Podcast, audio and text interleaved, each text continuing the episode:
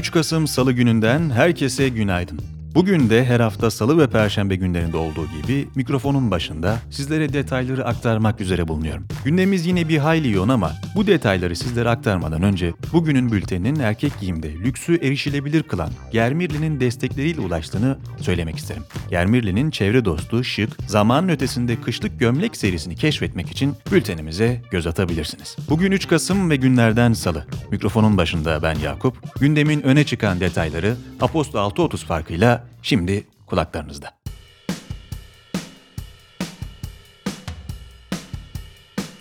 Dünyadan manşetler. Fransa İçişleri Bakanı Gerald Darmanin, aşırı Türk milliyetçisi olarak tanımlanan Bozkurtlar Hareketi'nin yasaklanmasının çarşamba günü Bakanlar Kurulu'nda ele alınacağını belirtti. Hareketin Azerbaycan-Ermenistan çatışmalarını takiben Lyon yakınlarında Ermeni halkını hedef gösteren yürüyüşle ve şehirde bulunan bir anıta zarar vermekle bağlantılı olduğu ifade ediliyor. Afganistan'da yer alan Kabil Üniversitesi'ne düzenlenen bombalı ve silahlı saldırıda 19 kişinin hayatını kaybettiği, 22 kişinin yaralandığı ve 3 saldırganın etkisiz hale getirildiği belirtildi. Azerbaycan Cumhurbaşkanı İlham Aliyev, 8 köyün daha Azerbaycan ordusu tarafından işgalden kurtarıldığını açıkladı. Covid-19 vakalarının artışına paralel olarak İtalya'da da gece sokağa çıkma yasağı uygulanacağı, seyahat ve alışverişlerin kısıtlanacağı açıklandı. Birleşik Krallık Başbakanı Boris Johnson da ulusal karantinanın perşembe günü başlayacağını açıklamıştı. Almanya merkezli teknoloji üreticisi Siemens, 235 bin çalışanla toplamda 200 milyon avro özel COVID-19 primi ödeyeceğini duyurdu. Bu, söz konusu çalışanlara 1000 avroya kadar prim ödeneceği anlamına geliyor. Apple 10 Kasım'da gerçekleşmesi planlanan One More Thing isimli etkinliğini duyurdu. Etkinlikte Apple'ın ilk kez ARM mimarisini kullandığı Mac'lerin tanıtılması bekleniyor. Türkiye'den manşetler. İzmir'deki depremde can kaybı bu bültenin yazıldığı saatlerde 92'ye yükseldi. Toplamda yaralanan 994 kişiden 847'si taburcu edilirken 147 kişinin tedavisi devam ediyor. Depremde yıkılan ve ağır hasar alan binalardaki ölüm ve yaralanmalarla ilgili gözaltı kararı verilen 11 kişiden 9'u gözaltına alındı. İki şüphelinin de yakalanmasına yönelik çalışmalar devam ediyor. Fransa merkezli mizah dergisi Charlie Hebdo'nun kapağında Cumhurbaşkanı Erdoğan'ın karikatürüne yer vermesinin ardından Ankara 6. Sulh Ceza Hakimliği tarafından derginin Twitter hesabına erişim engeli getirildi. Haftanın ilk gününde dolar ve avro yeni rekorlar kırmaya devam etti. Dolar TL 8,43'ten işlem görürken avro TL 9,82'yi aşarak rekorlarını yeniledi. Döviz kurlarındaki artışların ardından altın da haftaya rekorla başladı. Gram altın 512 lirayı aşarken çeyrek altın 833 lira, Cumhuriyet altını ise 3400 liradan el değiştiriyor.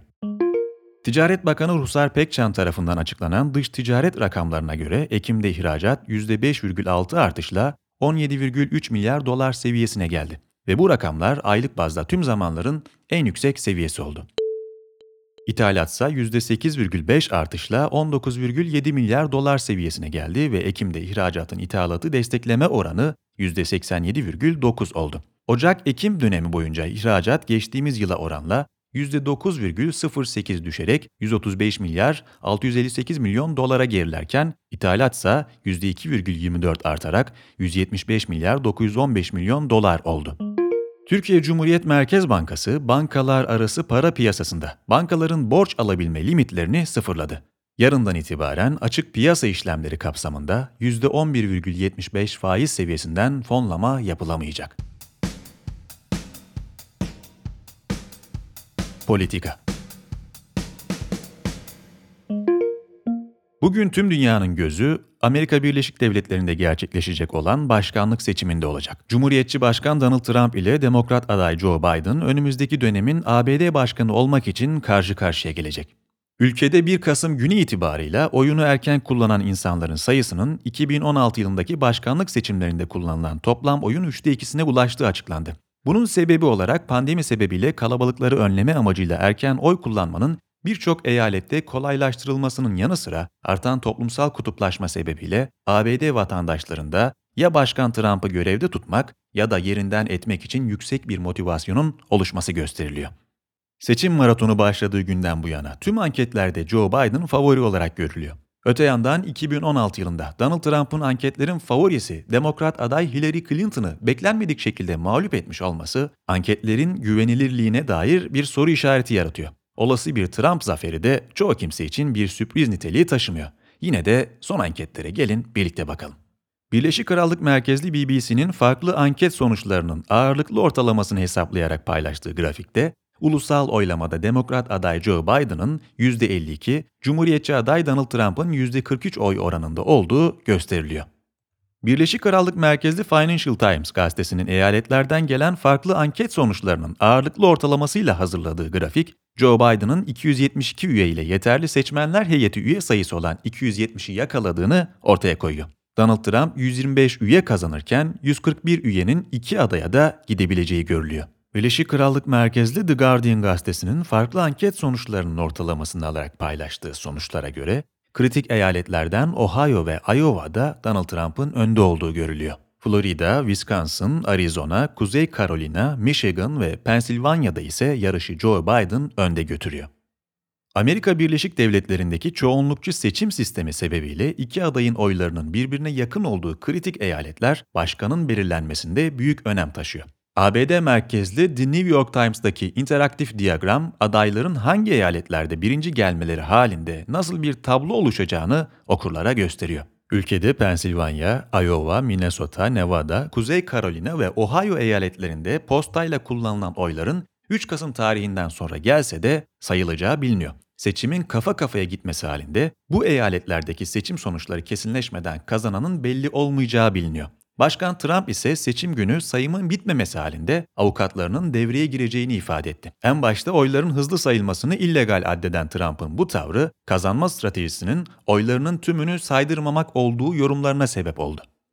Bazı eyaletlerde ilk cumhuriyetçilerin önde görülmesi ancak mektupla gönderilen oylar sayıldıkça ve işlendikçe bu şekilde oy kullananların çoğu demokrat olduğu için eyaletin demokratlara geçmesi beklenirken bazı eyaletlerde önce mektupla gelen oylar sayılacağı için tersi bir senaryonun görülmesi bekleniyor. Bu gelgitlerin toplumda duygusal kırılmalar yaşanmasına sebep olmasından ve toplumsal gerilimi artırmasından endişe ediliyor. Sabah gazetesi yazarı Bercan Tutar, ABD halkının Trump'ı güven ve istikrarın adresi olarak görmeye başladığını, Trump'ın seçimi kaybettiği bir senaryoda sokağa dökülecek öfkeli beyazların siyah protestocularla karşı karşıya geleceğini ve bir iç savaş yaşanabileceğini iddia ediyor. Öte yandan Cumhuriyet Gazetesi yazarı Ergin Yıldızoğlu ise Trump yönetimi için süreç olarak faşizm tanımlamasını yaparken bugünkü seçimin faşizmden önce son çıkış olduğunu savunuyor.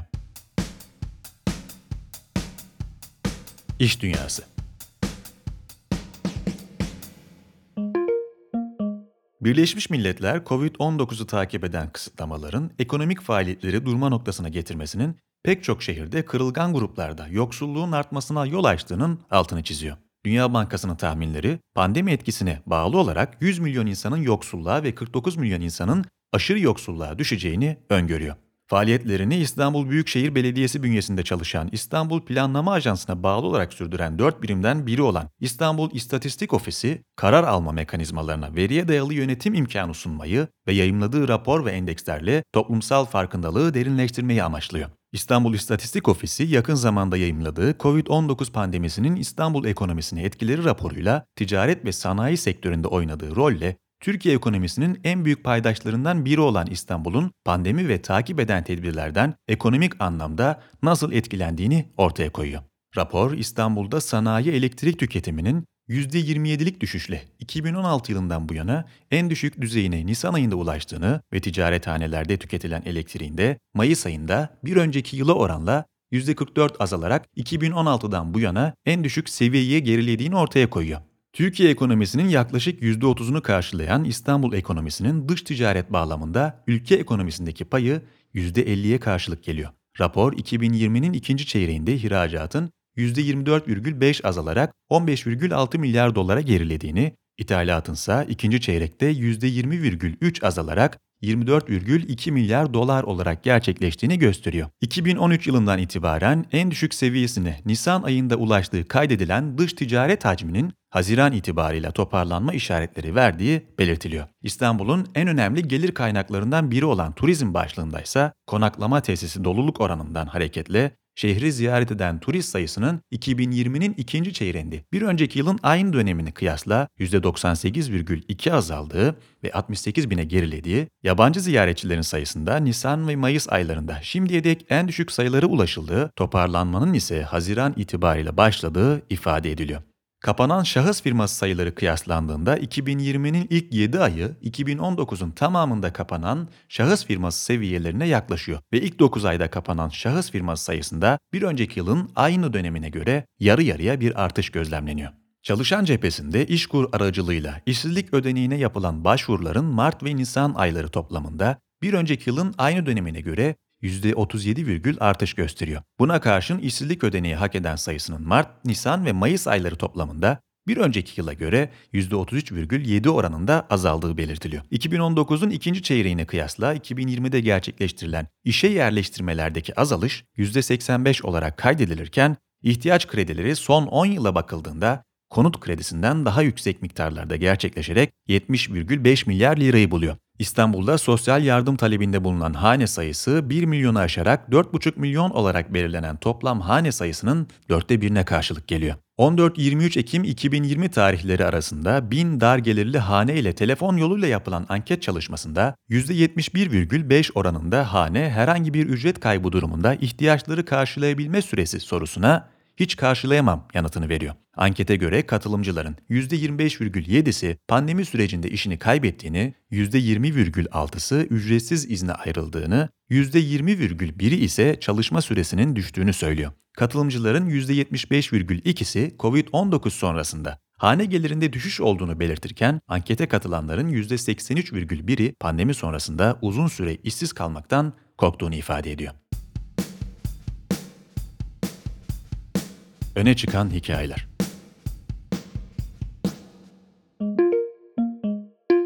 Spektrum'da Kaan Başar Tezel, ABD seçimleri öncesinde son yıllarda ABD Başkanı Donald Trump'ın birliğe olan şüpheli yaklaşımından yola çıkarak 2020 seçimlerinin NATO'ya potansiyel etkilerini değerlendiriyor. Kuando'da Hande Gülsert, Apple'ın Google'a alternatif bir arama motoru geliştirme sürecini ele alıyor. Punto'da Cengizhan Yıldız geçtiğimiz haftalarda Formula 1 tarihinin en çok yarış kazanan pilotu unvanını elde eden Lewis Hamilton'ın spor mantalitesi ve stratejilerine odaklanıyor. Duende'de Burcu Dimeli bu yıl hem fiziksel hem de dijital olarak gerçekleştirilecek Mamut Art Project 2020'ye ışık tutuyor. Öne çıkan hikayelerle ilgili daha detaylı bilgiye sizlere gönderdiğimiz bültenden ulaşabilirsiniz.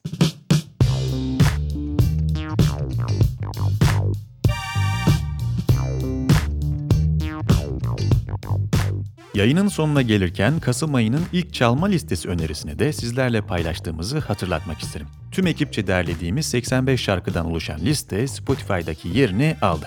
Listeye bültenimizden ulaşabilirsiniz. Bugün 3 Kasım Salı ve ben Yakup. Gündemin öne çıkan detaylarını Aposto 630 farkıyla dinlediniz. Yeni bir yayında görüşünceye dek kendinize iyi bakmanızı diliyorum. Hoşçakalın.